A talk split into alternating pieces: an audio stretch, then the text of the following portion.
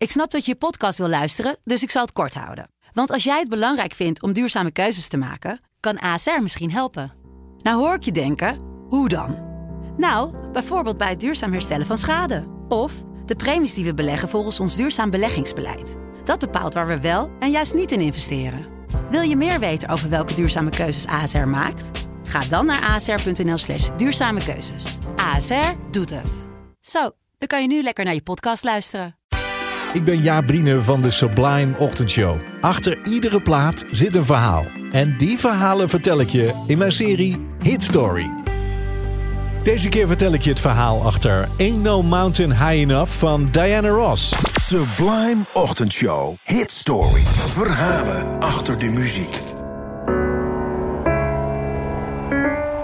Ik neem je mee naar dat New York. Het is 1964. Nicholas Ashford is dan 23. Hij is net verhuisd naar de grote stad. Hij wil het gaan maken in de muziekindustrie. Maar daar is hij op deze dag nog heel ver van verwijderd. Hij is dakloos. Hij heeft geen cent op zak. En op deze dag hangt hij rond zoals hij wel vaker doet in Central Park. Moet hij niet gewoon zijn droom opgeven en een echte baan gaan zoeken? Hij kijkt om zich heen naar de wolkenkrabbers achter de bomen. Het zijn eigenlijk net bergen, denkt hij. En er komen een paar regels in zijn hoofd. Ain't no mountain high enough. Geen berg is te hoog, geen dal te diep, geen rivier te breed om mij van jou weg te houden. Hij realiseert zich dat het een liefdesliedje is dat hij zojuist heeft bedacht. En dat komt goed uit, want hij heeft net in een kerk in Harlem, een paar straten hoger, een jonge vrouw leren kennen. Iemand die net als hij de muziek in wil. Ze is dan net 18, Valerie. Valerie Simpson. Nicholas en Valerie, ofwel Ashford en Simpson, werken samen het idee uit van die hoge bergen. En uiteindelijk hebben ze samen een liedje klaar. En ze zijn er zelf erg tevreden over. En deze song, denken ze, zou wel eens een toegangsbewijs kunnen zijn... voor dat platenlabel waar ze eigenlijk willen gaan werken. Motown. En ze hebben gelijk, want drie jaar later staan ze in de studio van Motown in Detroit... achter het mengpaneel te kijken hoe hun liedje wordt ingezongen... door een van de nieuwe talenten van Motown. Zangeres Tammy Terrell. En ze horen de baas van Motown, Barry Gordy, zeggen dat dat nummer nog beter zou kunnen werken als duet. En hij weet ook wel iemand, Marvin Gaye. Het resultaat is, vinden we nu een classic, maar dan nog een bescheiden hitje. En daar blijft het dan ook niet bij. Een andere grote Motown-ster, Diana Ross, gaat namelijk aan de slag met haar eerste soloalbum. En wie worden er gevraagd om dat album te produceren? Nick Ashford en Valerie Simpson. En zij willen dat ene nummer toch nog een poging geven. Dat Diana een nieuwe versie gaat opnemen van hun nummer. Maar dan moet het totaal anders gaan klinken. Spectaculairder, met violen en veel blazers en met gesproken teksten. En ze willen dat die versie ook langer gaat duren dan die drie minuten die tot dan toe heilig zijn. Het wordt uiteindelijk een episch lied van meer dan zes minuten... waarbij je vier minuten moet wachten tot het refrein komt. Het meezingstukje. Nou, Barry Gordy, de baas, vindt het dan ook maar niks. Motown-hits, zegt hij, zijn kort en to the point. En gepraat in een liedje? Nee, dit gaat nooit wat worden, zegt hij. Maar radio-dj's vinden het wel leuk. En ze beginnen het te draaien. Soms in een ingekorte versie, maar meestal gewoon de volle zes minuten. En het wordt uiteindelijk de eerste nummer 1 hit in Amerika voor Diana Ross. Geen berg te hoog, geen dal te diep en blijkbaar dus ook geen song te lang.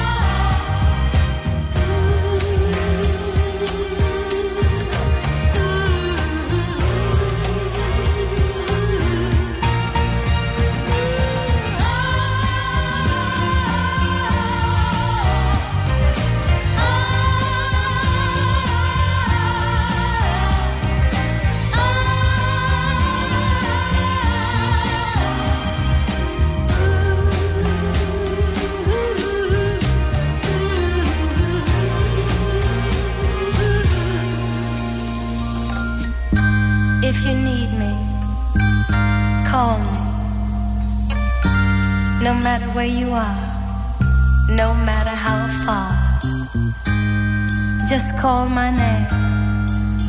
I'll be there in a hurry. On that you can depend and never worry. You see, my love is alive. It's like a seed that only needs the thought of you to grow. So if you feel the need for company, please, madame.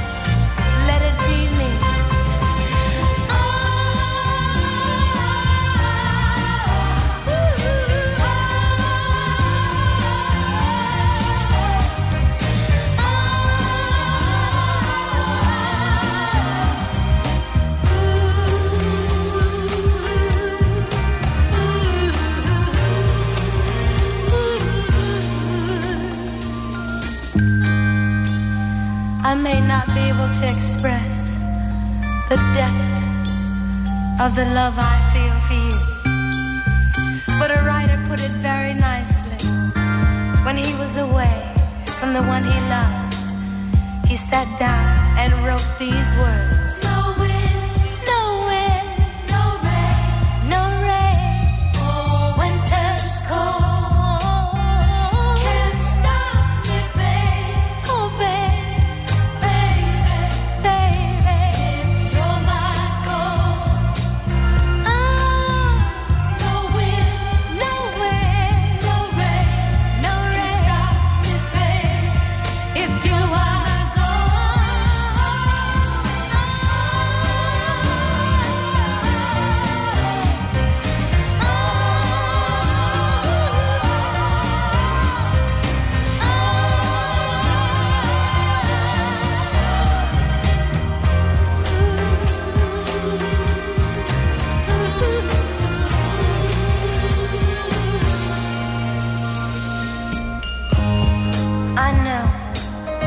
I know you must follow the sun wherever it leads. But remember, if you should fall short of your desires, remember life holds for you one guarantee. You'll always have me. And if you should miss my love, one of these old